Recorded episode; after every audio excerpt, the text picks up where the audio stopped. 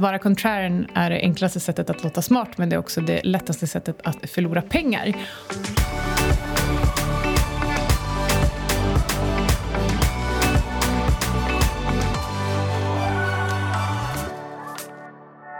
Du lyssnar på Outsiders med Syding och Svan. Innan vi ska göra det här efterlängtade avsnittet där vi ska gå igenom ett bullcase för Tesla så måste vi bara prata lite om juni månad på marknaden kanske eftersom att när vi spelar in så är det den sista juni och eh, Cygnus är för månaden uppe nu när vi spelar in det här 5,3 procent. USA har inte öppnat. Vi får se hur månaden stänger på riktigt. Eh, min, eh, jag har ju egentligen tre modellportföljer på Cygnus. En med hög risk, en med mellanrisk och det är din portfölj och så är en med lägre risk som är plain Cygnus. Så plain Cygnus är upp 5,3 i just nu. Din är upp uh, typ jag vet inte, 9 eller något sånt senaste månaden. Och uh, min uh, är upp typ 23% och 45% på året.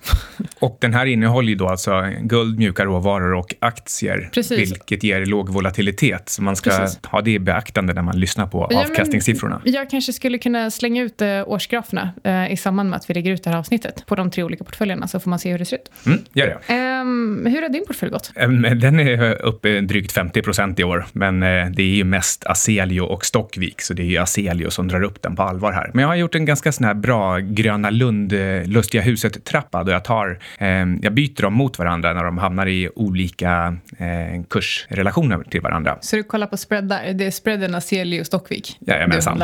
Men för innan vi går in på Tesla kanske man ska säga någonting om att Aselio har dragit in två nya MOUer senaste veckan. Ja, och räknar man om dem där så är, vi, så är det 3 miljarder kronor till drygt i en slags potentiellt ordervärde de kommande 4-5 åren. Och nu är börsvärdet på typ, vad kan det vara, 1,3-1,4 miljarder? Ja, 13,50 idag när jag tittar på den. Då stod den i 15 och 38 som högst idag. Ja, det känns ju bra. Fortsatt eh, positiva eh, är vi. Och, eh, men man, det man ska komma ihåg också att de kommer kommer resa mer pengar i sista kvartalet. Eh, så det kan man ju ha lite i baktanken om man är sugen på att titta närmare på det här caset. Ska vi prata lite om eh, ditt absoluta favoritbolag? Ja, nu är vi på Tesla till 1000. Kanske världens bästa high-tech-konglomerat.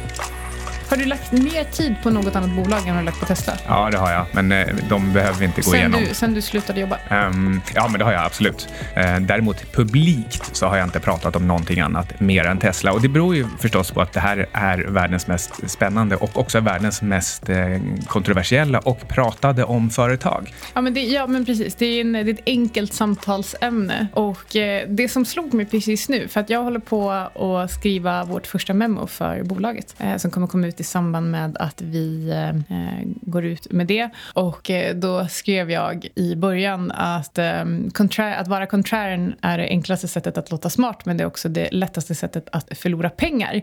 Och nu ska man ju nu ska man vara duktig på att skilja på process och eh, outcome. Och om man tittar på outcome, eh, att vara kort i Tesla så har det varit dåligt. Men processen, själva analysprocessen för att komma dit, det, den kan ju fortfarande ha varit eh, korrekt. Ja, men alltså om man vill så kan man ju jämföra med ett antal andra olika bolag där det kan ha sett ut i 10-20 år som att man har fel, antingen för att man har varit negativ eller varit positiv och sen plötsligt så kommer en sån där eh, Thanksgiving Turkey-dag då allting förändras och kursen antingen tiodubblas eller, eller faller med, med 100 procent. Och eh, ja, jag tror att man lär sig väldigt mycket på att följa Tesla, för det finns massor med olika aspekter av fundamenta versus tekniskt, eh, tillväxt versus value och eh, bara, bara en sån sak som att det inte är ett enda bolag utan det är massor med olika eh, spännande innovativa verksamheter i samma. Precis, och ett annat sätt eh, som, eller en annan sak som är väldigt viktig att göra som investerare är att utmana sin egen bias och det är just därför som du och jag ska gå igenom ett positivt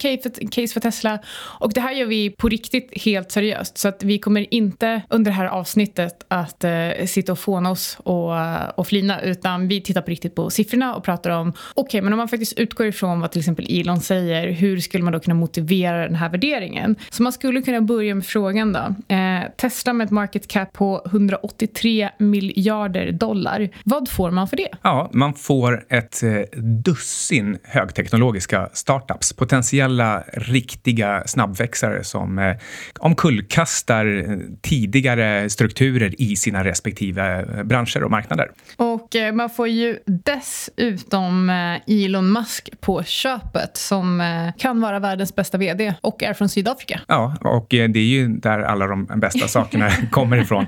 Nej, det, det kanske det inte gör. Men, men vad han otvivelaktigt är, det är väldigt karismatisk. Han har också väldigt bra kontakt med eh, olika typer av myndigheter som gör att eh, han har ändå gjort lite, lite kontroversiella saker ibland, men han kommer undan med dem. Och på samma samma sätt så har han också en väldigt bra kontakt med 35 miljoner Twitter-följare, vilket också är en enorm styrka när det gäller gratis marknadsföring, vad man också kan kalla för en halo-effekt, alltså det här som Apple kom med, då man, man skapar ett tillräckligt starkt varumärke och kundförtroende så kan man sälja helt nya saker till de här kunderna. Så, och, och det är ju förstås ett, eh, ett, eh, ett värde som kan användas i framtiden.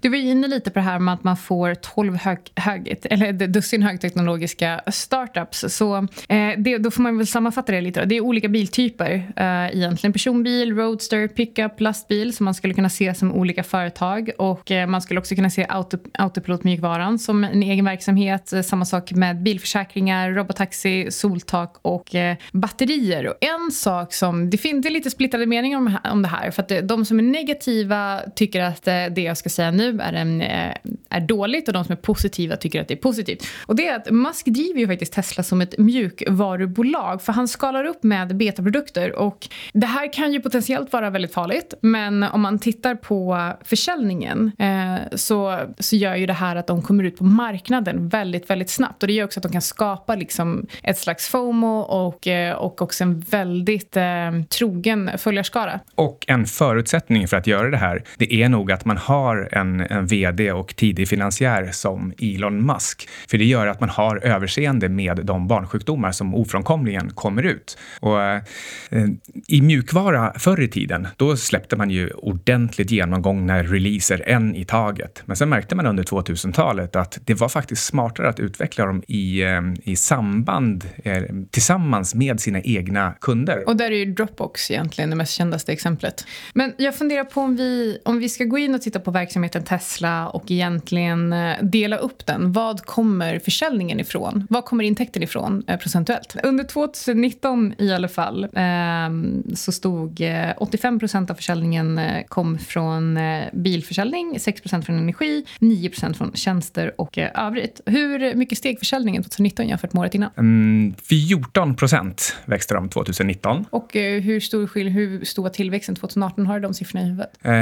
nej, det har jag inte. För det hade varit intressant att se om andra derivaten där var positiv eller negativ. Ja, nej, men den var, den var jättenegativ. Alltså, det var 2017 och 2018 var de stora tillväxtåren. Och sen 2019, då, då hade de redan lanserat liksom alla viktiga bilmodeller och, och det gjorde då att då, då taktade eh, tillväxten ner ordentligt. Så att tidigare har de vuxit med 30, 40, 50 procent, men, men sen har det då eh, successivt avtagit i en sån här S-liknande kurva så att man nu är nere på 14 procent. Men å andra sidan så har de ju fått 650 000 eh, pre-orders på uh, Cybertruck. Precis. Och det ska vi komma in på lite senare. Ja, och, det, och det är det här som, eh, som är en stor del av potentialen i Tesla. Att eh, de har haft problem att producera lika snabbt som kunderna vill ha bilarna. Och det jobbar de ju också på en del lösningar, likt ett mjukvarubolag som försöker få ut produktionen eller eh, det som de har sålt så snabbt som möjligt med eller utan barnsjukdomar. En kommentar till här om vad själva verksamheten, hur den är nu jämfört med vad det är man hoppas hoppas på sen. Som du sa så var 85 procent av försäljningen var bilar 2019 och av de 85 procenten så var 85 procent eh, i princip modell 3. Och, och det understryker ju också kan man säga förändringen i bolaget. För, för några år sedan, då var ju hela försäljningen bara modell S och X. Och nu har den på några år bytts ut till att i princip vara enbart 3.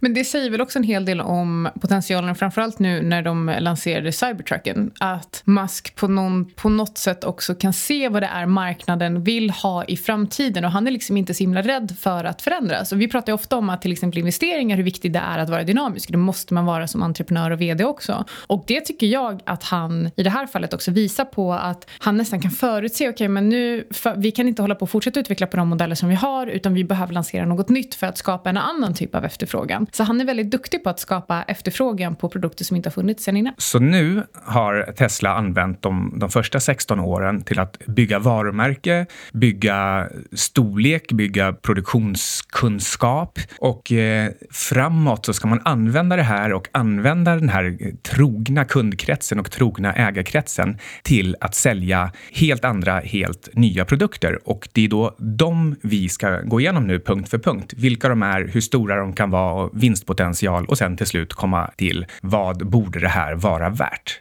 Exakt. Um, ska man börja med full self-driving? Ja, um, det här är ju alltså då själva mjukvaran som ska föra fram bilen utan att du behöver vara inblandad.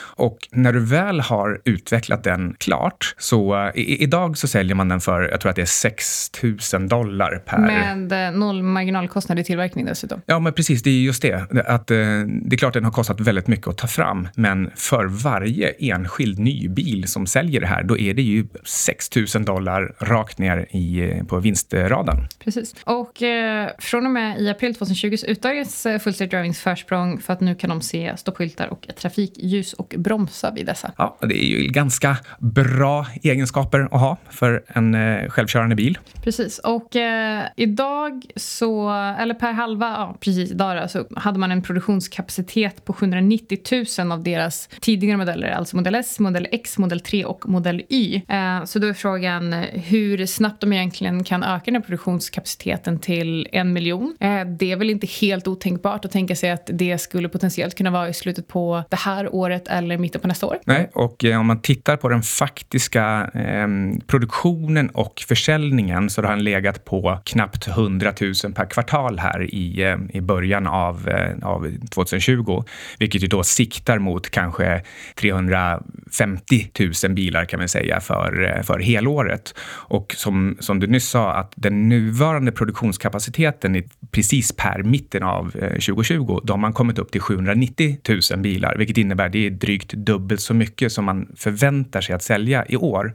Och eh, det här gör man ju förstås för att man, man vet att efterfrågan finns där i nästa skede. Men, och det betyder antagligen också att, att gå upp från 790 000 i produktionskapacitet till en miljon, det kommer man kunna göra mycket snabbare än den eh, exempelprognos som, som jag har satt ihop för 2025. Och samma sak gäller väl egentligen Cybertruck. Om man redan har 650 000 pre-orders eller reservationer så har man fem, sex år på sig enligt min modell då att nå upp till både en efterfrågan på en miljon och en tillverkningstakt på en miljon. Jag, jag tror många av Tesla-bullsen skulle tycka att det här är alldeles för försiktiga prognoser. Och om man pratar lite om robotaxi eh, så, är det också, så kan det också vara potentiellt en, ett stort område för Tesla. Då behöver man den här autopilottekniken och eh, så länge Tesla är i ledningen i autopilotteknik så blir det också de som kan bli ledande inom robotaxi. Dessutom så har Tesla det här egna försäkringsbolaget, egna bilförsäkringsbolaget. Det finns ju ingen uppdatering där på ett tag men vi utgår ifrån att det då är på gång. Och det är också... den, den, den existerar, alltså det, det, går att köpa försäkringar. Man har gjort det i, och de har tillstånd att vara försäkringsbolag. Så, mm. så det existerar, men som sagt, de har inte släppt några siffror på hur mycket de faktiskt gör. Ja, men det blir spännande att se då i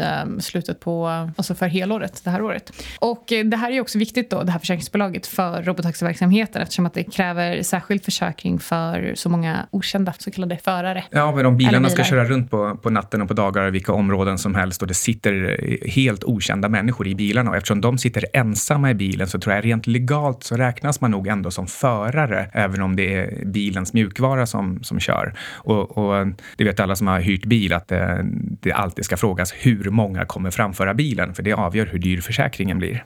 En annan, en annan grej som, som Tesla, Tesla hävdar att de har det absolut bästa batteriet och en potential är väl att de skulle kunna sälja de här batterierna när man har ökat kapaciteten tillräckligt, men det vill de eventuellt inte göra. Det beror på hur länge man vill ha det här försprånget, alltså att bilen kan komma en viss sträcka per laddning.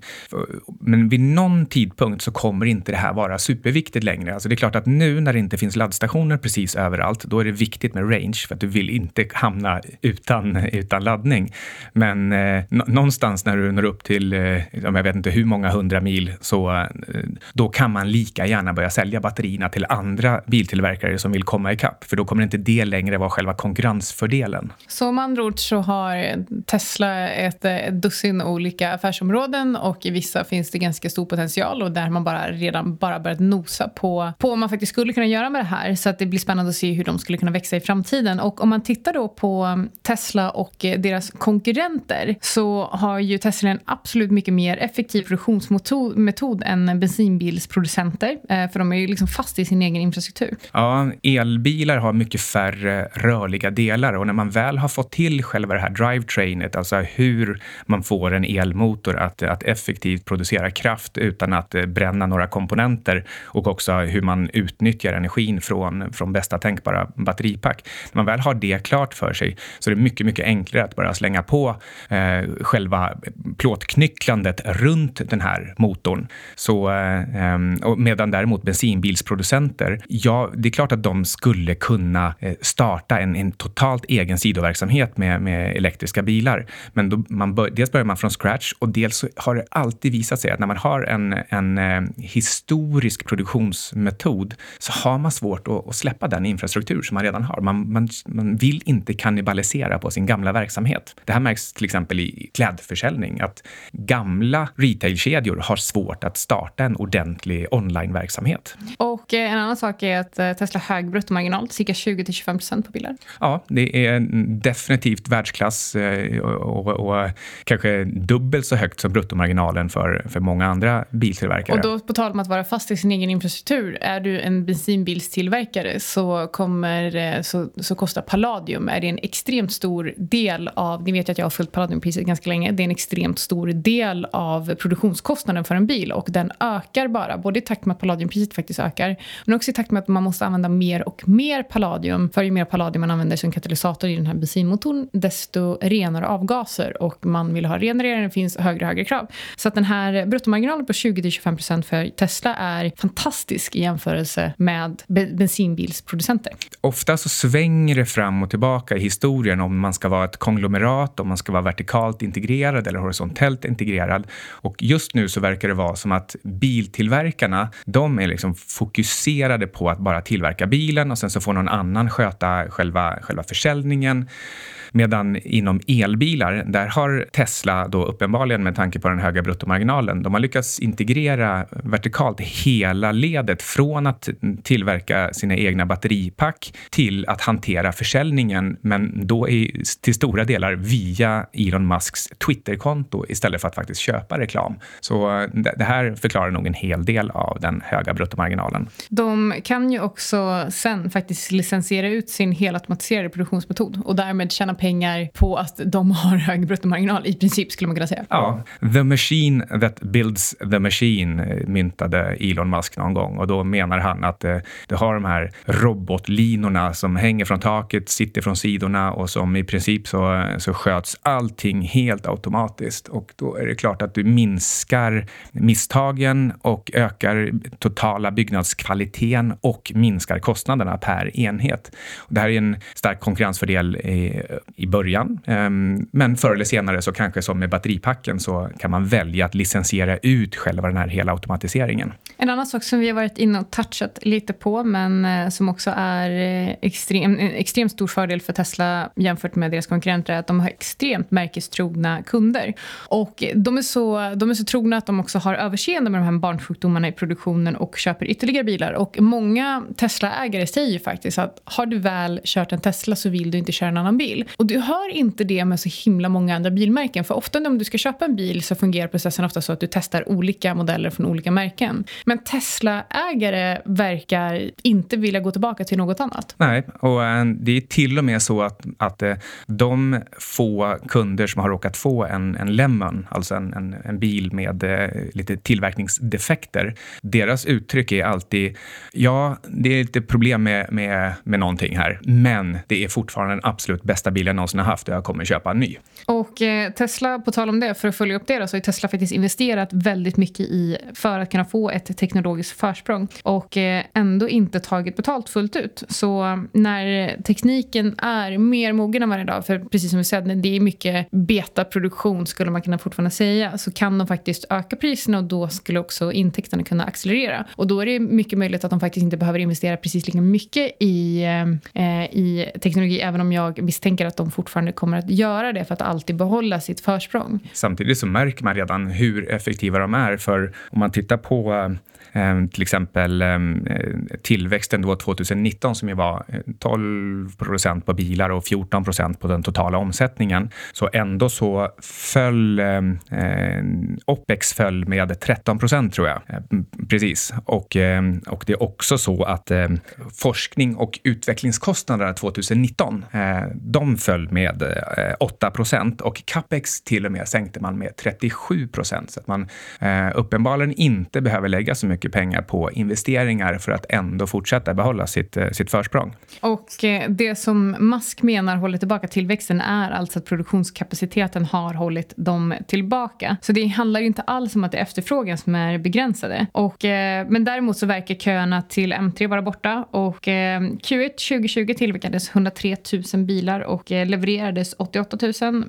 Men det skulle kunna härledas till covid-19. Ja, och antagligen så fortsätter det i, i Q2, men eh, eh, ja, vi får väl se under andra halvåret om det då istället eh, återigen blir så att de levererar fler än de tillverkar, vilket de vi faktiskt gjorde då under kvartalen som ledde fram till Q1 2020. Så det här skulle potentiellt kunna vara några månader som eh, gör det möjligt för Tesla att komma ikapp lite och det är positivt. Ja, för det innebär då att de har bilar i lagret som redan är tillverkade och, eh, och, och det ger ju ett väldigt positivt kassaflöde att sälja de här och få in kontanterna. Precis. Och eh, bara, bara snabbt, om de skulle vara i behov av eh, mer pengar eh, att resa kapital så eh, Elon Musk är en mästare på just det. Ja, det verkar aldrig vara några som helst problem. Till det här så hör jag att Elon har vid, vid eh, många tillfällen sagt att vi inte behöver pengar annat än vid extraordinära tillfällen för att verkligen liksom skapa, skapa tillväxt. Och, eh, och då när han har bett om pengar så har det alltid gått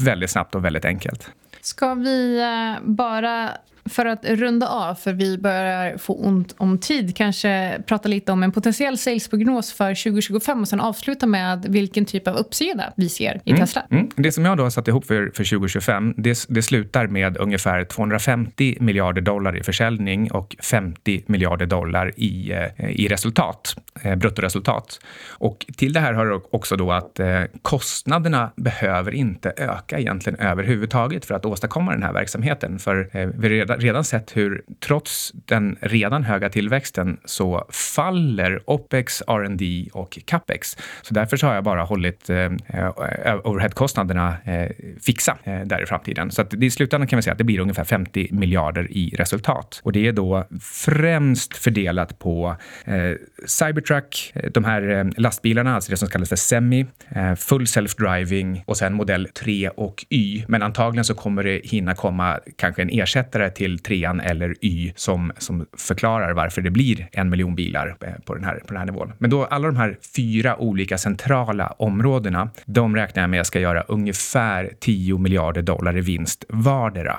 och resten av verksamheterna står för de, de sista tio. Och då har du till och med varit ganska konservativ, framförallt när du räknar på Cybertruck, för du räknar på en miljon, eh, en miljon i sales när, vi, när det idag är 650 000 som är reserverade redan. Och jag har ju faktiskt också varit ganska konservativ med eh, bruttomarginalerna, för jag har 20 procents bruttomarginal på all bilverksamhet och sen 10 procents bruttomarginal på alla andra verksamheter. Ehm, och sen är det då full self-driving som har en, en, en helt egen dynamik som då har 100 procent försäljningsmarginal. Så med det här då, för då, med det här då så 2025 så um, tycker vi att uppsidan är, vad blir det, Hur många procent? Ja, alltså om, om, man, eh, om, man, om man tar de här då fem, cirka 50 miljarder i vinst och så tar man det gånger 15 som kan vara en, en bra slutmultipel, det vill säga det är ungefär vad marknaden brukar handlas till. Så att, mm. eh, och, och då, då, blir det 750 miljarder dollar i, eh, i market cap.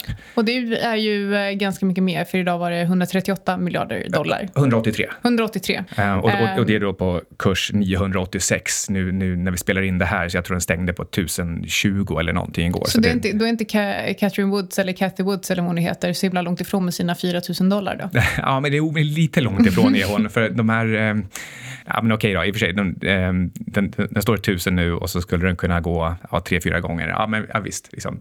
Eh, men ett annat som jag tycker är mer intressant sätt att fundera på vad det här värdet 2025 egentligen betyder. Jo, det är att kursen skulle kunna gå 25 procent om året de kommande sex åren. Och, och då ser man mer, okej, okay, 25 procent om året, är det den diskonteringsfaktor som jag tycker att det är värt risken att investera i det här som ju trots allt är en startup. För Tesla har ju inte gjort vinst ännu och eh, bilverksamheten som är 85 procent och som liksom visserligen utgör basen då för vad man ska liksom studsa uppifrån, så är det så att Tesla har ju inte gjort något annat än bilar än så länge, utan det här är ett bett på att de ska lyckas göra någonting framöver som de inte har gjort ännu på riktigt. Och då kan det vara värt 25 procent per år.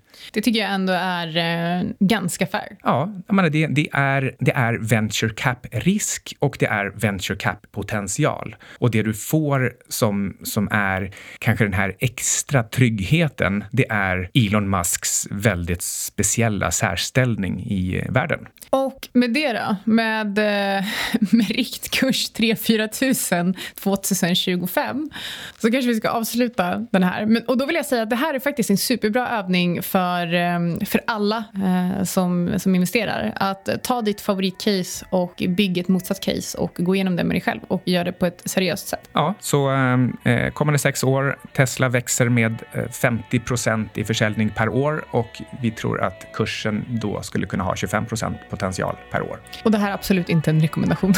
Nej, gör din egen analys och ta dina egna risker. Du har lyssnat på Outsider.